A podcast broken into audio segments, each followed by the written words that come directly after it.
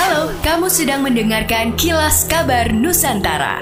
Podcast persembahan KG Radio Network menyajikan berita harian yang mengangkat keunikan dari berbagai wilayah Indonesia. Kilas Kabar Nusantara dapat juga didukung oleh pengiklan loh.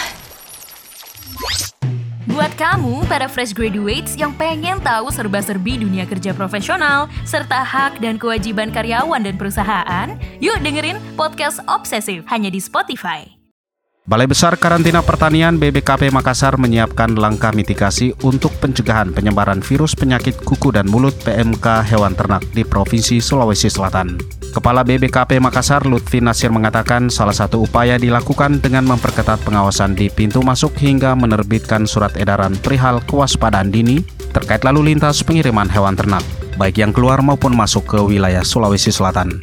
Selain itu, koordinasi serta sinergitas bersama instansi terkait terus diperkuat untuk mencegah penyebaran penyakit tersebut.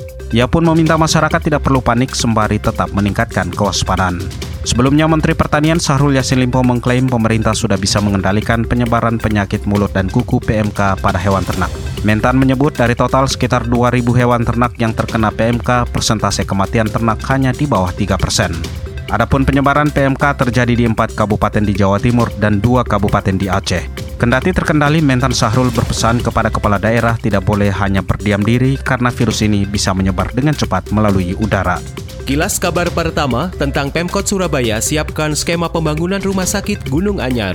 Tahun ini, Pemkot Surabaya berencana mulai melaksanakan pembangunan rumah sakit baru di kawasan Surabaya Timur. Rumah sakit baru yang akan dibangun di lahan sekitar 7.000 meter persegi ini berada di kawasan Middle East Ring Road atau Mer Gunung Anyar, Surabaya. Wali Kota Surabaya Eri Cahyadi mengatakan rumah sakit Gunung Anyar dibangun dengan skema kerjasama bersama para investor dan melalui kerjasama pemerintah dan badan usaha KPBU. Menurutnya, jika hanya mengandalkan APBD, maka pembangunannya tidak segera selesai. Wali kota menyatakan pihaknya sudah menyampaikan rencana skema pembangunan rumah sakit baru dengan DPRD Surabaya, sekaligus mempersilahkan stakeholder yang ingin menjadi investor atau KPBU untuk mendukung pembangunan rumah sakit ini. Rencana pembangunan rumah sakit tipe B ini akan segera memasuki tahap lelang.